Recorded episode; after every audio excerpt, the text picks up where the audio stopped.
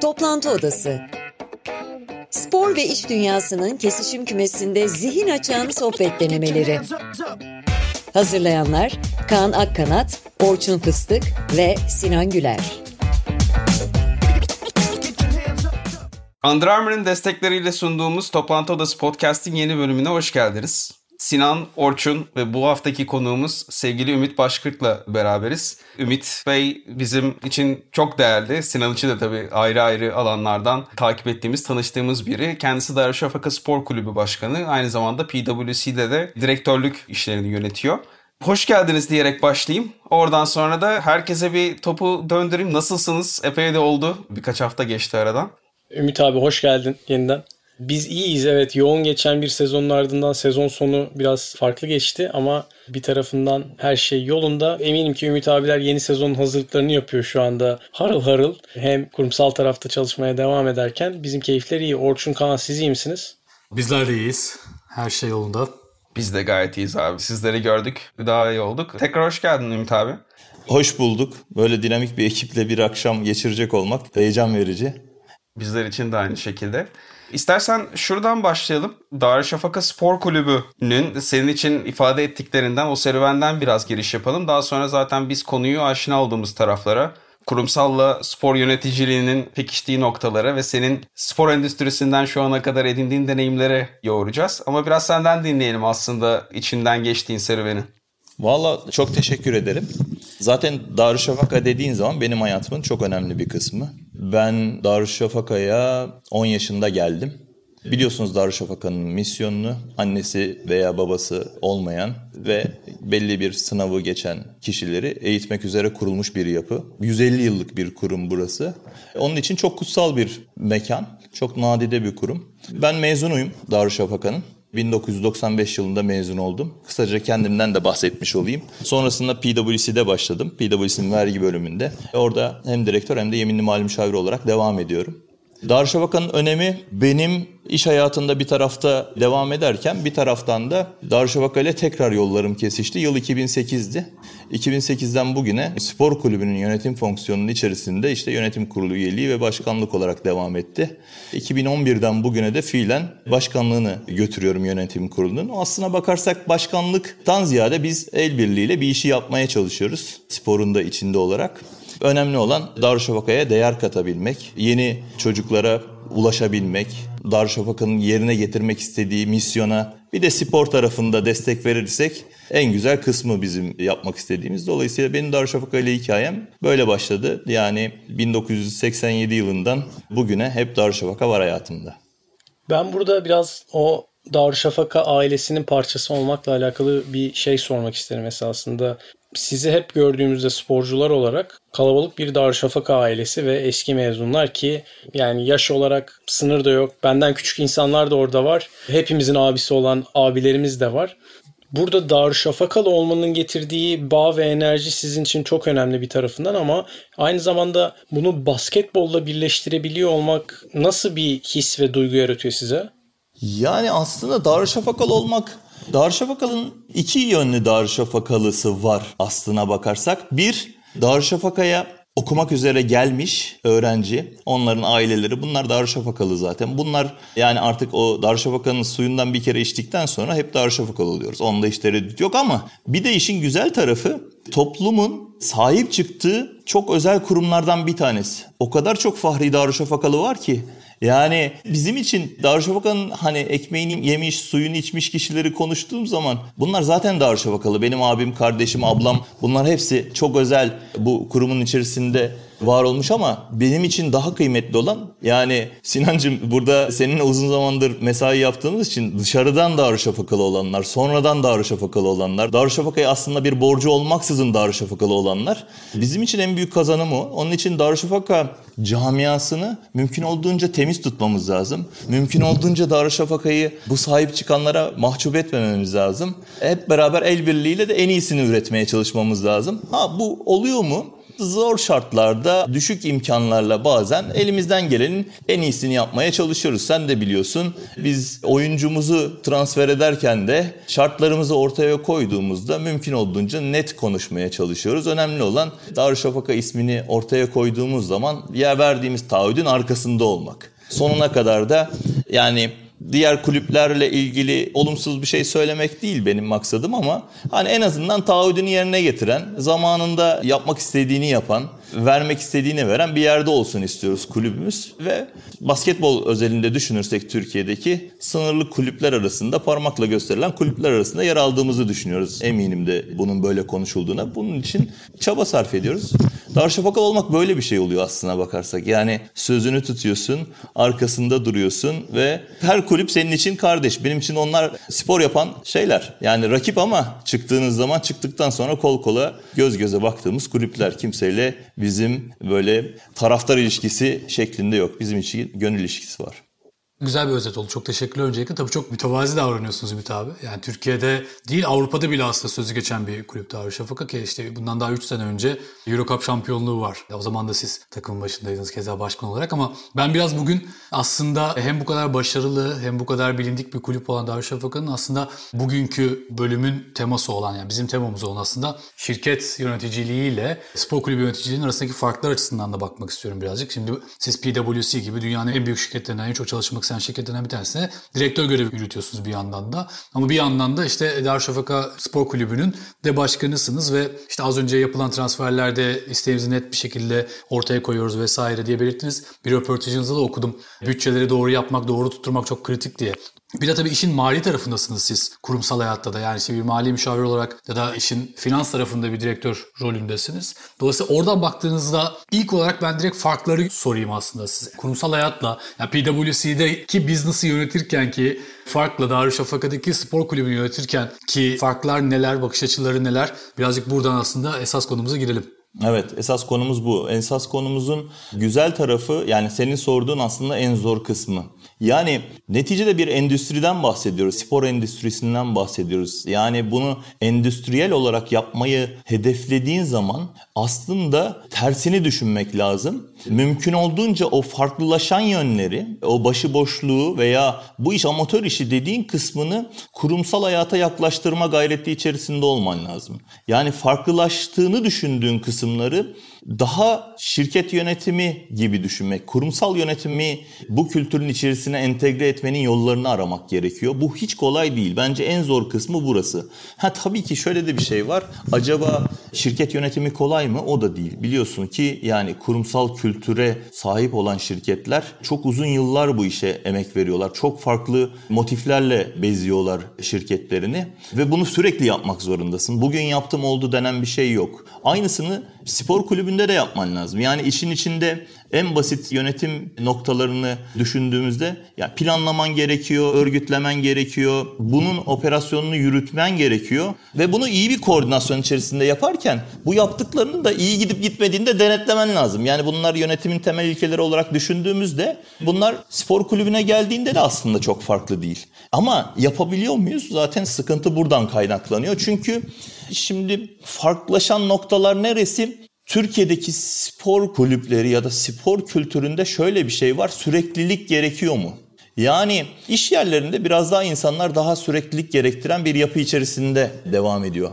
Yani işin içerisinde yönetim kurulları var ama eğer ki kurumsal bir yapı içerisindeyseniz bu bir tür ekmeğinizi kazandığınız, tamamen farklı bir ilişki içerisinde olduğunuz bir yapının içerisindesiniz. Spor kulübü kültüründe kulübün içerisindeki kişiler bunu biraz daha gönül vererek, biraz daha zamanını vakfederek yapıyorlar. Dolayısıyla bazen sorumlu davranıyorlar, bazen de biraz sorumsuz davranıyorlar.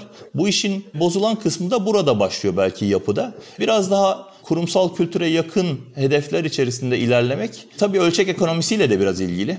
Yani bunu şöyle diyeyim, sürdürülebilir bir yapı olması gerekiyor ki kurumsal kültürün de entegre olduğu bir spor kulübü yaratabilirsiniz. Bu gerçekten de herhalde en ciddi fark yaratan bir unsur. Çünkü genel kurul oluyor, yönetim değişiyor, hop bir anda programlar, planlar, politikalar değişiyor. Onun için belki süreklilik bir kulübün, bir spor hayatının daha fazla yaşamasına imkan verecek özellik olduğunu düşünüyorum ben. farklılaşan nokta da burası galiba. Sürdürülebilirlik. Bir de sanırım hesap verilebilirlik ve denetleme ile alakalı önemli bir kısım var. Ben hani kendimi senin yerine koyduğumda aslında çok sanki iki zıt şapkayı da kafamda taşıyormuş gibi hissediyorum bir taraftan. Hani Darüşşafaka için geçerli değil tabii bu söylediklerimiz ama spor dünyasına baktığımızda hesap verilebilirliğin çok düşük olduğunu, sürdürülebilirliğin çok düşük olduğunu, veriye veya işte süreçlere verilen önemin çok yüksek olmadığını görüyoruz. Bir taraftan da aslında bu değerleri tüm dünyaya yaymaya çalışan bir şirkette direktörlük yapıyorsun. Evet. Bir de öyle bir tarafı var. Yani şunu sormak isterim aslında biz birisi spor yöneticisi olduğu zaman işte zaman zaman sağlıklarını kaybettiklerini, zaman zaman farklı kavgalarda kendilerini kaybettiklerini görüyoruz. Hani ben mesela bu kontrasttan bir delilik çıkmaz mı diye sordum kendime şu an seni dinlerken. Sen nasıl bunları bir potada eritip huzurlu kalmayı başarıyorsun? Vallahi güzel bir soru. Yani soruların ikisi de hem farklılıktan hem kontrasttan geldi. Evet yani bir potada eritmek gerçekten zor. Aslına bakarsak sporla kurumsallığı bir potada eritmek de zor. Çünkü sporun olduğu noktada evet ego denen farklı bir kavram bir anda işin içine girmeye başlıyor.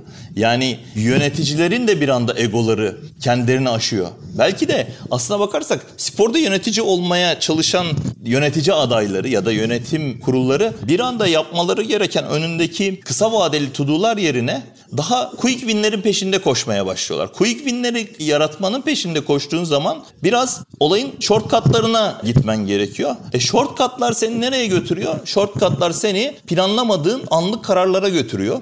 Anlık kararlarda yanlış kararlara götürüyor bazen belki. Belki o an için evet quick win'e ulaşıyorsun ama arkada nereleri sen kullandığında o shortcutlara vardın? Aslına bakarsak sürdürülebilirliğin şemsiyesi altında bu işin peşinde koşarsan, biraz daha planlı ilerlersen bir şeyler olabilir. Ama işte biraz önce o shortcut'ı aramanın sebebi belki biz Türk'üz. Yani özellikle Türkiye'deki sıkıntılardan bir tanesi Türk olarak günü kurtarıyoruz. Günü kurtarmanın peşinde koştuğunda o zaman o kısa yollarla quick win'ler elde etmenin peşinde oluyorsun ve bir anda hatalar yapabiliyorsun. Ha biz hata yapmıyor muyuz? Tabii ki yapıyoruz. Yapmamak mümkün değil. Yani hele hele spor o kadar dinamik bir dünya ki yani yola çıkıyorsunuz işte o hafta 8 tane maç var diyelim ki Süper Lig'den bahsediyorsun. Ve bizim son geldiğimiz haftalarda düşünün her maçın skoru bir diğerine etkiliyor. Bu senin ilişkili olduğun sadece A takım maçlarını konuşuyorum. Aşağıda altyapısı var, dışarıda seyircisi var, arkada bir camia var. Sürekli evet söylemiş olduğun şey o potaya gelen toplar o kadar fazla ki eritmek çok zor. Biraz galiba sakin kalmak gerekiyor. Biraz da yani kısa süreli kazançların peşinde koşmamak gerekiyor. Tecrübe ettik bunları. Yani fazla harcadığın zaman çok kısa süreli oluyor. Azar azar harcadığın zaman çok sevilmiyorsun belki ama biraz daha uzun süreli yaşayabilme imkanı oluyor. Bunun peşinde işte bu dengeyi bulmaya çalışıyoruz. Zaten yönetici olmanın da sihirli kısmı herhalde burası. Ümit abiye sorduğumuz bu soruyu sevgili Sina Afra'ya da sormuştuk. Onun cevabını dinleyelim, sonra sohbetimize geri dönelim. Şimdi ben Fenerbahçe Futbol AŞ bağımsız yönetim kurulu üyesiyim.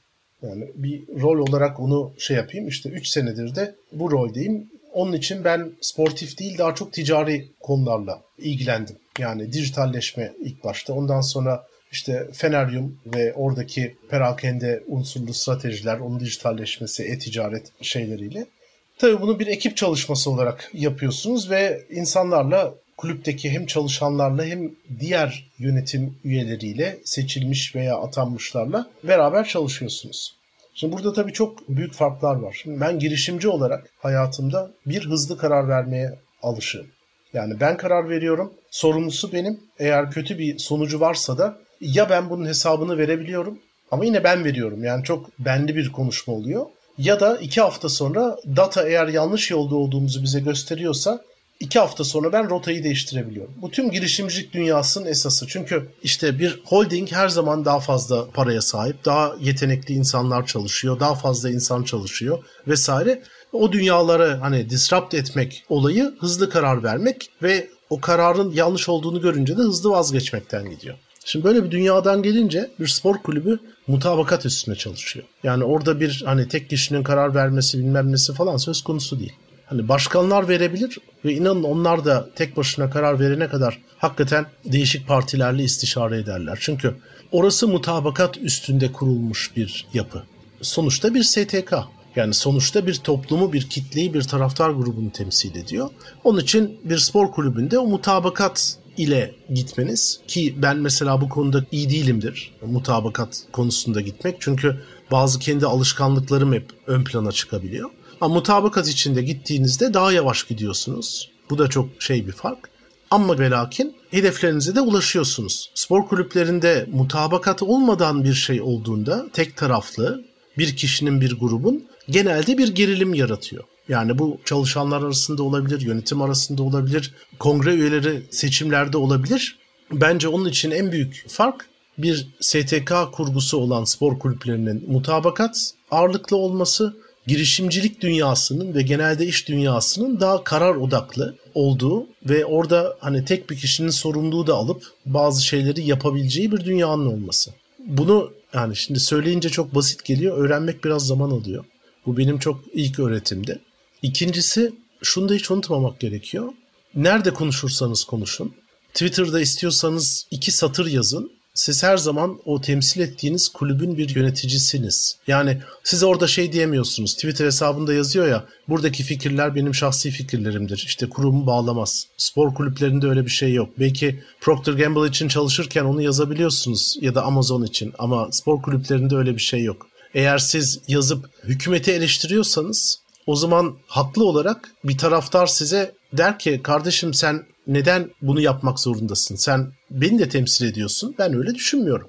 Çok daha hassas bir iletişim şeyi lazım. Yani Twitter benim ana mecram aslında. Hani orada böyle bir 400-500 bin takipçim var vesaire. Ve baktım yani ben Fenerbahçe 2018 Temmuz'da göreve gelene kadar işte 20 bin tweet yazmışım. Öyle bir manyaklığım var. O günden beri 500 tweet yazmışım. Ve hani bol bol da dayak yemişimdir. Her türlü sosyal medyada. Ve hakikaten ben sosyal medyayı iyi kullanan ve çok kullanan biriydim. Ama şu an az kullanmak ve çok temkinli davranmak en doğrusu geliyor.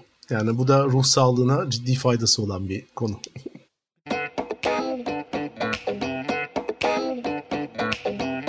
Abi ben iki ayaklı bir soru soracağım. Birinci ayağı aslında Darüşşafaka'nın yarattığı hikayenin önemine dokunmak olacak. Bugün baktığında yönetimdeki yanlış değilsem herkes Darüşşafaka'nın suyunu içmiş kişiler. Diğer tarafında da ben Darüşşafaka'da ilk oynadığım sezon 2006-2007 sezonuydu. Daha sonrasında hem Anadolu Efes'le hem de Galatasaray'la zaman zaman sezonumuzun orada geçtiği antrenman yaptığımız dönemlerimiz de oldu. Bu yüzden okuldaki öğrencilerle de sık sık bir araya gelme fırsatı yakaladım. Şans ki ve ne güzel bir şans. Şimdi sorarken soruyu tüylerim diken diken oluyor. Okula ilk öğrenci olarak girdiği günden itibaren tanıma fırsatı yakaladığım Doğuş Özdemiroğlu bugün benim takım arkadaşım.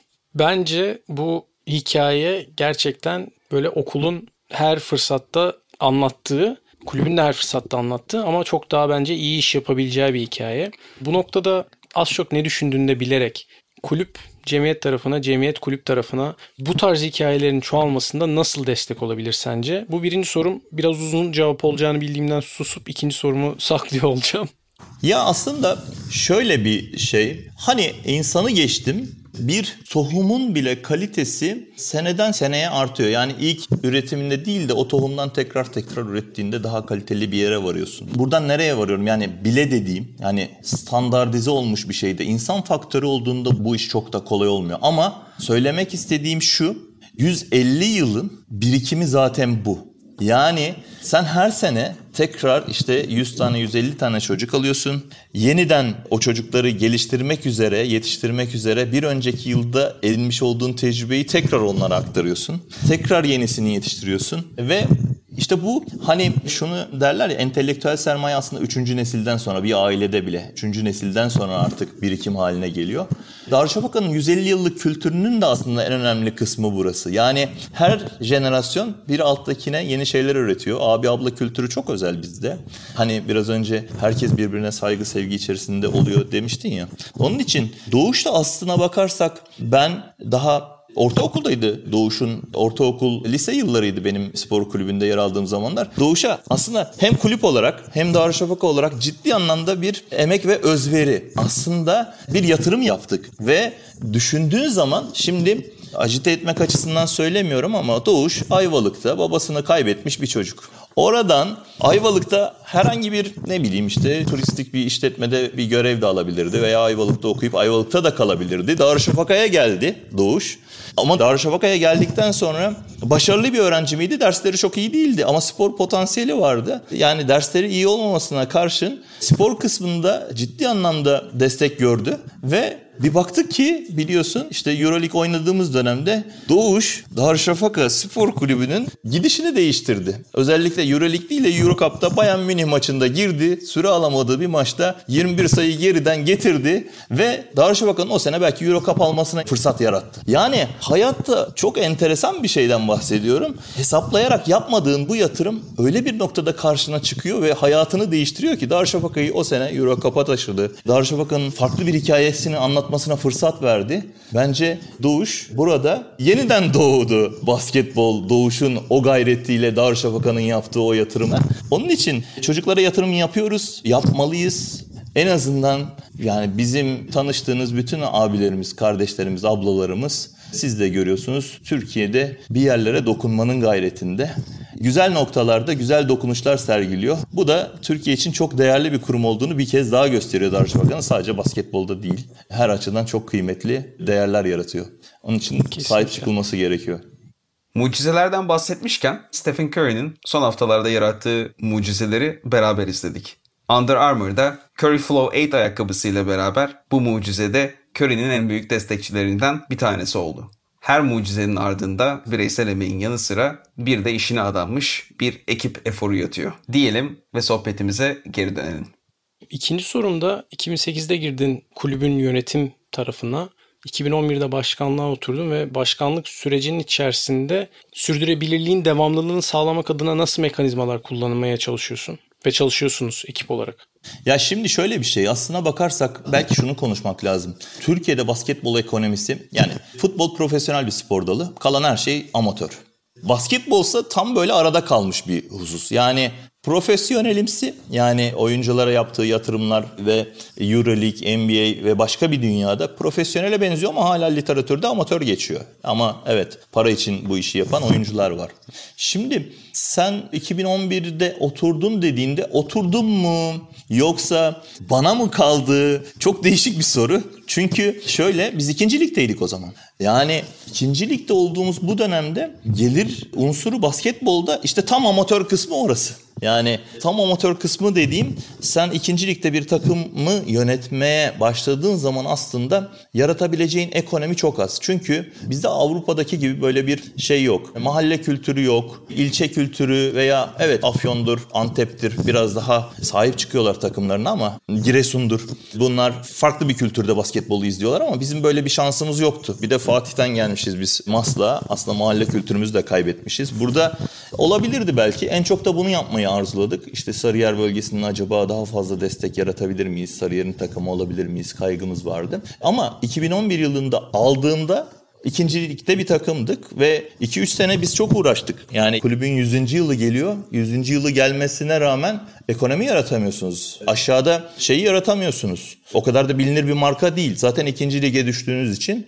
Doğuş'un spora yatırım yapmak istediği çok şanslı bir döneme rastladık. Ve İnanılmaz. Yani Doğuş'un o dönemde hedeflediği daha Ferit Bey'in 2012-13 yılından hedeflediği bir 2017'de kupa kaldıracağız hedefi vardı, hayali vardı. Bu iş böyle başladı. Yani bir hayalle başlıyor ve Ferit Bey'in o dönemdeki hayallerinin gerçek olması için şansımız Darüşşafaka ile işbirliği yapmak istemesi ve inanılmaz bonkör bir şekilde çok ciddi bu hayalin peşinde koşan güzel bir dönemdi artısı vardır, eksisi vardır. Şu var, Darüşşafaka Yetim ve Öksüzlerin Okulu olarak düşündüğümüzde öbür tarafta da müthiş paralar harcanıyor.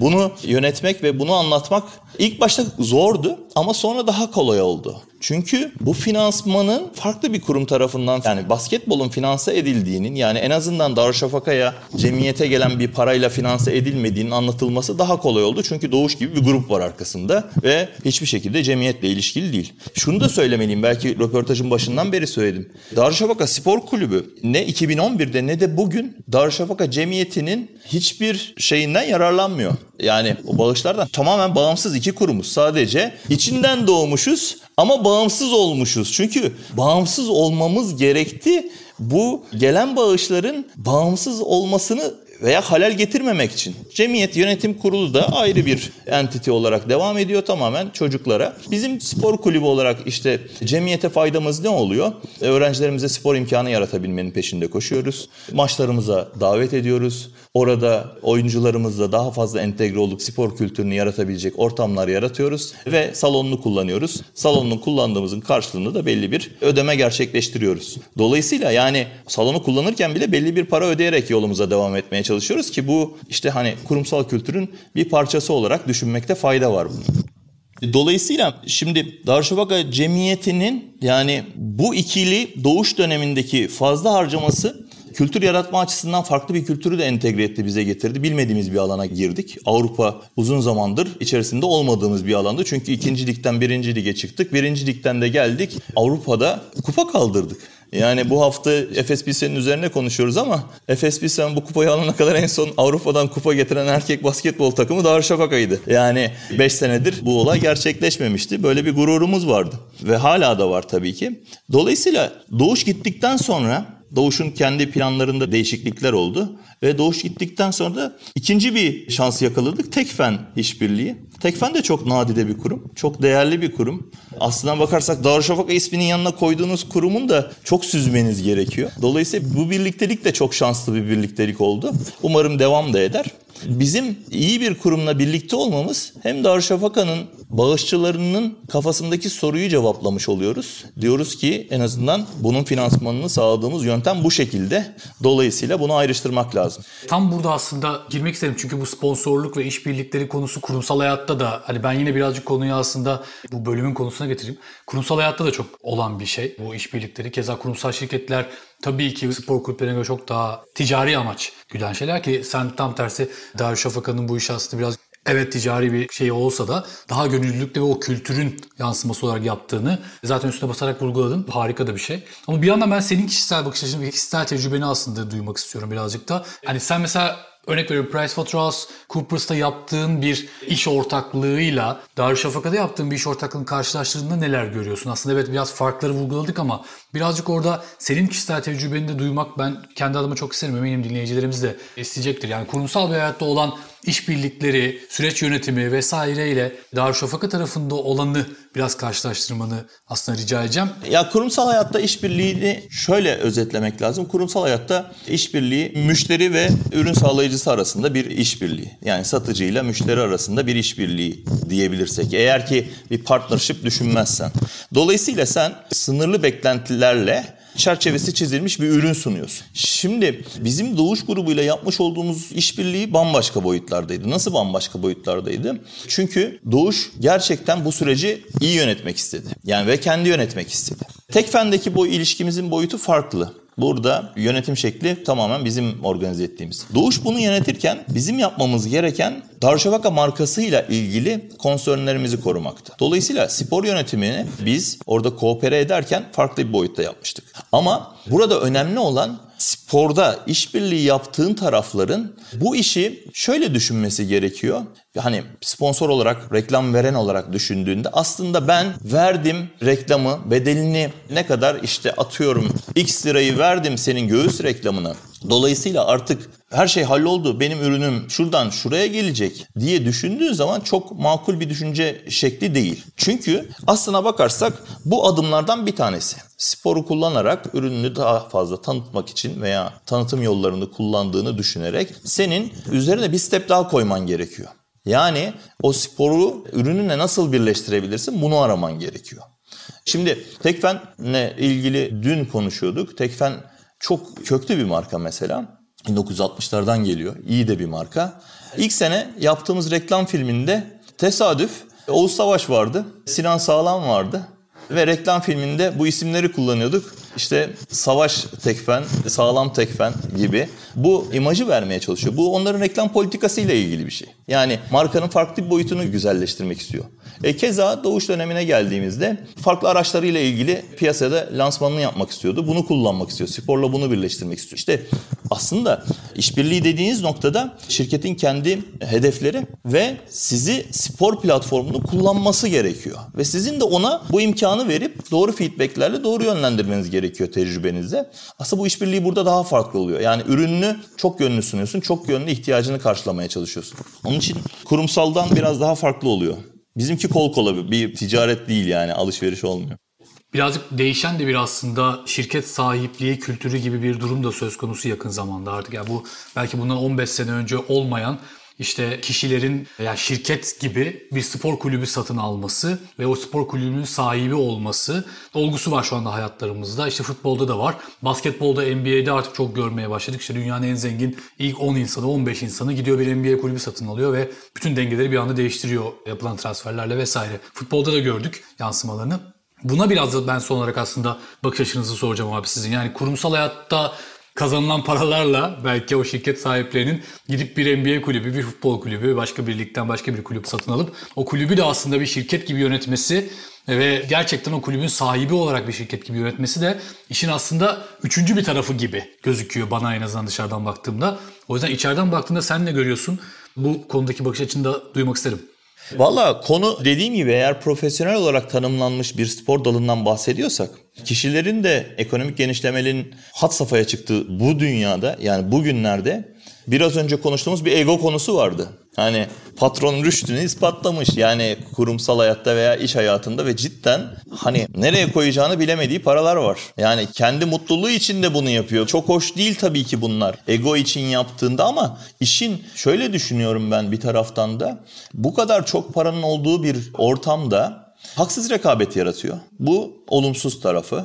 Ama bir de bu işi böyle geçici süre yaparak egolarını şişirip ama bütün yükümlülüğü kulübün sırtına bırakan yöneticilerdense en azından bütün risk sorumluluğu kendi bütçesiyle değerlendirip ona göre harcama yapmış olması da güzel bir şey. Bir de uzun vadede bu kadar iş hayatında başarı elde etmiş ise, para da kazanmış ise, yani para kazandıysa demek ki bir başarısı var. Çöpe de atmak istemiyordur parasını. Belki bu tatmini sağladıktan sonra bunu bir ürün olarak pazarlamayı da hedeflediğini unutmamak gerekir. Yine konuşuyoruz. İşte teknoloji yatırımı yapan veya startup alanında ciddi yatırımlar yapan şirketler ya spordaki bu eksikliği de fark edip yatırım yapmak da isteyenler oluyor. Yani spora teknolojiyi nasıl entegre ederim? Çünkü aslında işte bu pandemi dünyamızı değiştirdi ama ne kadar değiştirecek de öngöremiyoruz. İşte bu spor evet sağlıklı yaşam için gereken şeyler ama profesyonel spor acaba profesyonel spor olarak devam edecek mi?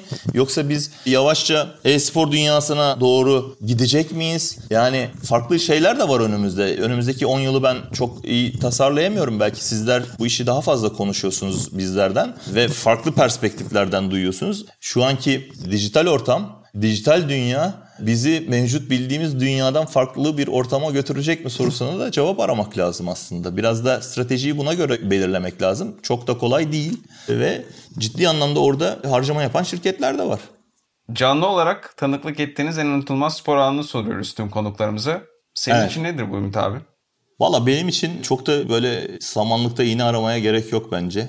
Bizim Euro Cup finali maçımız ve Hatta çok özür dileyerek bir tane sordun sen bana ama bence bir kupa tek bir maç değil. Bir kupa gerçekten başından sonuna macera ve mucizelerin birleştiğinin sadece bir gösterimi kupa. Çünkü bizim Euro Cup kupasına yürüdüğümüz yıl her maçta ayrı bir mucize vardı. İşte Bayern Münih maçından tut Krasnodar maçına bütün maçlar mucizelerle doluydu. Onun için bence bu kupanın gelişi, kupanın hazırlanması, kupaya yürünen yol aslına bakarsak her anıyla paha biçilmez bir zaman ve eğer ki sonunda da kupayla taşlanıyorsa inanılmaz değerli bir anı oluyor. Her şeyden önemlisi kupa sadece bir göstergesi neticede. Çok güzel bir anıydı bence o yıl. Süper. Ağzına sağlık. Teşekkür Çok teşekkürler ederim. geldiğin ve sohbetin için. Sağ olun. Keyifli bir sohbet oldu. Bana zaman ayırdığınız için de teşekkür ederim. Ümit abi biz teşekkür ederiz. Başarılar diliyorum sizlere. Çok sağ ol.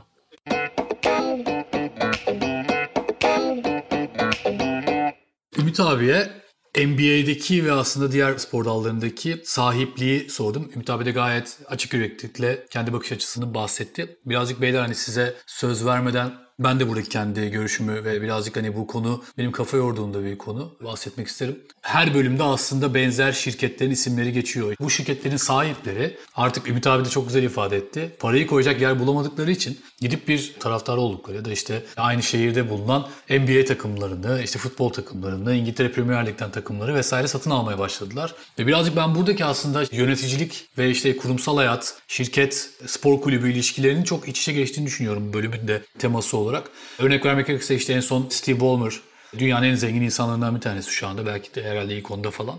Gitti Los Angeles Clippers'ı satın aldı. Ve hani Los Angeles Clippers'ın geldiği nokta ortada. Hani yapılan transferlerle vesaire. Her ne kadar hani sportif başarı bambaşka bir yerde olsa da kurulan kadro ortada. Çok benzer şey Brooklyn Nets'in başına geldi çok yakın bir zamanda. Dolayısıyla tüm bunlar aslında birazcık bana kulüplerin de şirketleştiğini gösteriyor. İşte Brooklyn Nets'i de mesela Ali Baba'nın kurucularından Joseph Tsai satın almış ve şu anda işte şampiyonun en büyük adaylarından bir tanesi olarak ön plana çıkıyor. Bu yolu açan tabii ismini mutlaka almamız gereken Mark Cuban var. Dolayısıyla spor aslında çok çekici. Herkes için çok çekici. Keza bu milyarder iş adamları için de böyle. Ama ben bir yandan farklı bir bakış açısı getirip bunun birazcık spor ruhu açısından nasıl bir yansıması var ona da bakmak istiyorum. Çünkü çok yakın zamanda siz de takip ettiniz. Hepimiz konuşurken de aramızda da Avrupa Süper Ligi konusu oldu. Daha fazla para kazanmak isteyen patronların öyle istemesiyle Avrupa'nın en büyük spor kulüpleri bir araya gelip kulübün esas sahipleri olan taraftarı da aslında elin tersiyle iterek bir organizasyona kalkıştılar ama bir şekilde bu gerçekleşmedi şimdilik en azından. Dolayısıyla işin business tarafını konuşuyoruz kurumsallaşma tarafını konuşuyoruz. Ama bir yandan da biz üçümüz de işte Sinan, ben, Kaan da sizlerin de öyle olduğunu biliyorum. İşin biraz o sporun tırnak içinde romantik ve içinde hikayeler barındıran tarafını çok seven tipleriz. O yüzden ben hani bunu da söylemeden geçemedim. İşe iki taraflı bakmak, işin para kısmı, business kısmı, ticari kısmı evet bir tarafta duruyor. Ama bunları yaparken de bunlar yapılsın, yapılmasın tabii ki demiyoruz. Ama bunları yaparken de o ruhu kaybetmeden, taraftarlık ruhu, sportif ruhu aslında Ümit abinin üzerine vurgu yaptı. Kısmı kaybetmeden yapmamız gerektiğini düşünüyorum ben kendi adıma. Siz ne diyorsunuz beyler? Nasıl geliyor kulağa? Esasında özellikle futbolda, Avrupa futbolunda verdiğin örnek ve yapılmaya çalışılan böyle biraz baskın bir hareket oldu. Ve yani basketbolda bunu yapmak bir tık daha kolay diye düşünmekle beraber basketboldaki Euroleague oluşumunun FIBA'nın Avrupa organizasyonlarının üstüne çıkan bir organizasyon yapmasındaki en büyük etken 20 sene önce bunu başlatmış olması ve ilk başlarda işbirliği halinde ilerlerken daha sonrasında çeşitli fikir ayrılıklarından dolayı farklı bir yola çekmesinden başarılı oldu. Öyle yani ben 10 tane futbol kulübünü bir araya getirdim. Yarın Süper Ligi, Avrupa Süper Ligi'ni başlatıyorum. Daha fazla para kazanmak istiyorum dediğin noktada tabii ki de kamuoyundan çok büyük bir geri dönüş alırsın negatif anlamda ve yani müthiş bir geri vites izledik bir tarafından da. Yani ben futbolu çok izlemeyen ve takip etmeyen biri olarak o anları ve özellikle sizin bu noktada paylaştıklarınızı görünce bayağı hoşuma gitti. NBA'in ve Amerika'daki spor kültürünün içerisinde aslında o romantizmi destekleyen ve aynı zamanda romantizmin ayrıştığı alanlar aslında kolej sporları ve profesyonel sporlar arasında net bir şekilde farklılaşıyor. NBA takımlarının bir şirket olması onların o yapıyı farklı bir şekilde yürütmelerine yardımcı oluyor. Şimdi Avrupa'da burada en büyük yaşadığımız problem ki bence Türkiye'de bununla alakalı problemleri sık şekilde görüyoruz ve konuşuyoruz, değerlendiriyoruz. Dernek yapılarının olması. Dernek yapılarının içerisinde bulunan kurumsallaşmalarda da biraz kağıt üstünde kalan hikayelerin olması.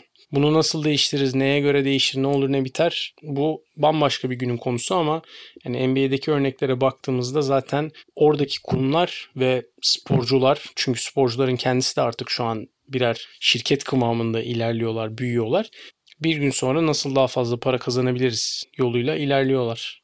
Amerika'daki gene bu hikayenin geneline baktığında ve zamanının zenginlerinin, zamanının lider endüstrilerinin ne olduğu aslında hangi kulüplerin sahiplerinin kim olduğuna bağlı biraz da. Hangi takımların sahiplerinin kim olduğuna bağlı.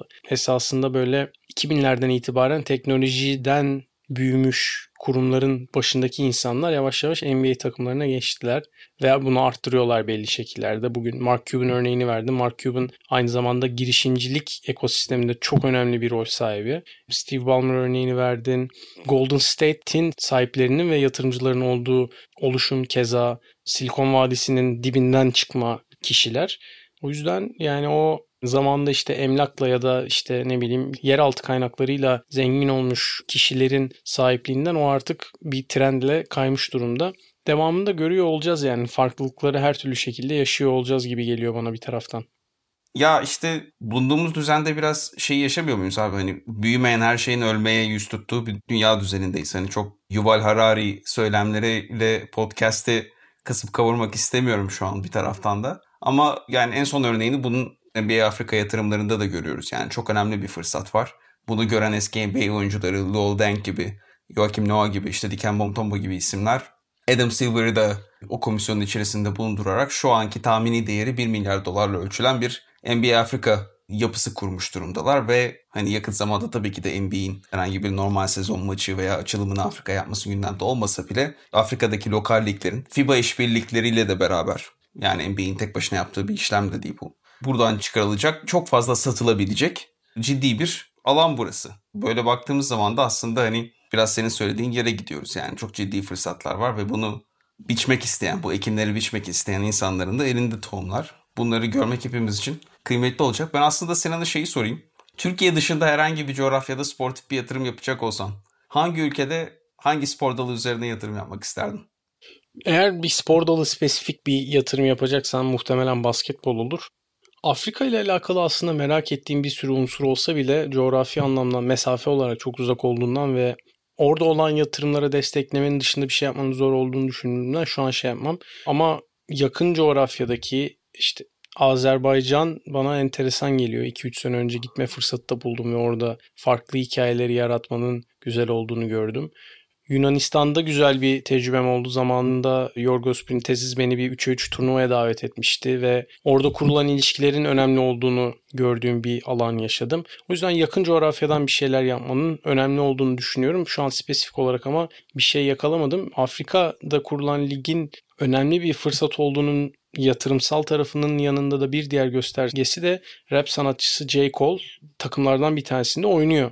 Ve yani mühim de iş yapıyor bildiğim kadarıyla. Afrika'nın tabii ki de Afrikalı Amerikalılar için ayrı bir nostaljik yaklaşımı olduğundan dolayı ve ne olursa olsun biz Afrika'dan geldik ve oraya bir şekilde geri bir şeyler oraya vermeliyiz düşüncesinin olduğu ortamda sadece bahsettiğin elit seviyeye çıkmış oyuncular değil. Mesela benim eski takım arkadaşım Pops Mensah-Bonsu da bu hikayenin bir parçası ve önemli işler yapıyor. NBA'de zaten hem NBA takımlarında hem G League'de ofis tarafında önemli işler yaptığını gördüğümden dolayı da keyifle izliyorum oradaki oluşumun gittiği yönü.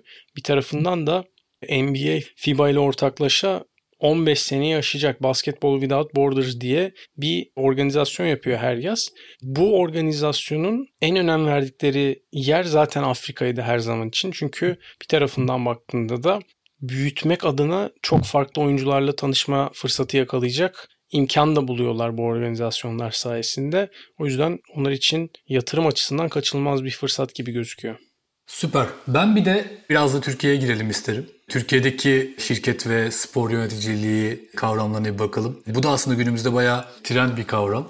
Biz ne kadar eleştirsek de genelde hani böyle iş dünyasını bilmeyen bir tayfanın özellikle futbolda yöneticilik yaptığını vesaire artık günümüzde daha liyakati önemseme gibi bir kültür de yavaş yavaş oturduğunu düşünüyorum ben. Büyük kulüplerden başlayarak ve bunu başa çeken kulüpler de var bu arada. Dolayısıyla birazcık orada Türkiye'nin tabii hani bundan 10-15 sene önceki yönetici profiliyle şu anki yönetici profilini ve yöneticiden kastım bu arada hem kulüp yöneticisi hem şirket yöneticisinde bilen içinde olan işte hem iş dünyasının içindeyiz biz Kaan'la Sinan sen spor dünyası içindesin. Biraz buradaki sizin farklı bakış açılarınızı da duymak isterim. Mesela Sinan sen baktığında spor dünyası içindeki yöneticiliğin evrimini nasıl görüyorsun Türkiye'de? Kaan sen iş dünyasındaki evrimi nasıl görüyoruz biz? Belki birazcık Türkiye'ye de yani sizin tecrübenizi alarak değinip bölümü sonlandıralım isterseniz. Benim aklıma hazır Euroligi kazandıkları noktada da bahsedilebilecek en önemli alanın Anadolu Efes ve Anadolu grubu olduğunu düşünüyorum bu minvalde. Ve bunu sadece Anadolu grubu ne kadar senedir yatırım yapıyor gibisinden değil. Yani buradaki alanda yapmaya çalıştıkları ve yaratmaya çalıştıkları değer olarak da görmek lazım. Sezonumuzun ortasında Gökçe ile sohbet etme fırsatı bulduk ve onların sahada olan hikayeye nasıl ortak olmaya çalıştığını hatırlıyoruz zaten hepimiz. Ama hem Türkiye'nin en büyük kurumsal holdinglerinden bir tanesi ve en çok değer sahibi olan ailelerinden bir tanesinin spora yaptığı katkı hem de burada sürdürebilir bir kültür yaratma çabası sonunda meyvelerini topladığını net bir şekilde görüyoruz. Özellikle son 3 senede yapılanları. Ha ne var? Benim gördüğüm genel kapsamda özellikle derneksel yapılarda Türkiye'deki kulüp yapılarının içerisinde kulübün içinde bulundurduğu manevi değerleri o değerlerin yanında gösteren insanlar bunu biraz fırsat olarak kullanabiliyor. O kulüpte yöneticilik yapmanın kendi kariyerlerine ve yapabileceği katkıları görebiliyor gibi bir izlenimim var. Tamamen bireysel karşılaştığım ufak tefek tecrübelerle bu şeyi alabiliyorum. Bu genele yayılan bir şey mi? Tam olarak değil ama bu fırsatı kovalayan insanlarla da karşılaşmak biraz bana sportif centilmenliğin dışında bir şeymiş gibi geliyor. Kaan sen ne düşünüyorsun? Aslında dışarıdan yaptığımız yorumların çok kısıtlı kaldığı hissine de kapılıyorum bir taraftan. Yani Ümit abiyle de bunu konuştuk. Ben dışarıdan baktığımda Türkiye'de spor yöneticiliği aklı başında bir insanın yapabileceği bir iş değilmiş gibi geliyor bana. Pek çok anlamda. Yani hem akılla mantık sıkışması hem duygu karmaşaları bir taraftan işte kulüplerin içerisindeki çarpışık ilişkiler hani iş hayatında belli bir seviyeye gelmiş insanların daha sonra bu bilgi birikimlerini mantıklı bir şekilde topluma destek sağlayacak, değer yaratacak şekilde düzenlenmiş organizasyon değil spor kulüpleri. Böyle baktığımızda da belki de biz bu irrasyonel yapıya çok rasyonel sorular da sormamalıyız yani. Hani belki bizde de biraz o anlamda asimetrik bir duruş var. Ben öyle bir histeyim şu an ama tabii bu iki saat içerisinde değişebilir ve ben kendimi de ya bu işler neden böyle diye sorgularken bulabilirim. Ama şu an sohbetimizden öyle bir çıkarımım oldu. Bizi dinlediğiniz için teşekkürler. Global spor performans markası Under Armour'ın sunduğu toplantı odasının sonuna geldik. Podcast yetmedi, ben sizi daha çok takip etmek istiyorum derseniz LinkedIn ve Twitter sayfalarımızdan bizlere ulaşabilirsiniz. Giriş seslendirme Başak Koç, kurgu ve düzenleme için tüm Sokrates ekibine teşekkürler. Bir sonraki bölümde görüşmek üzere.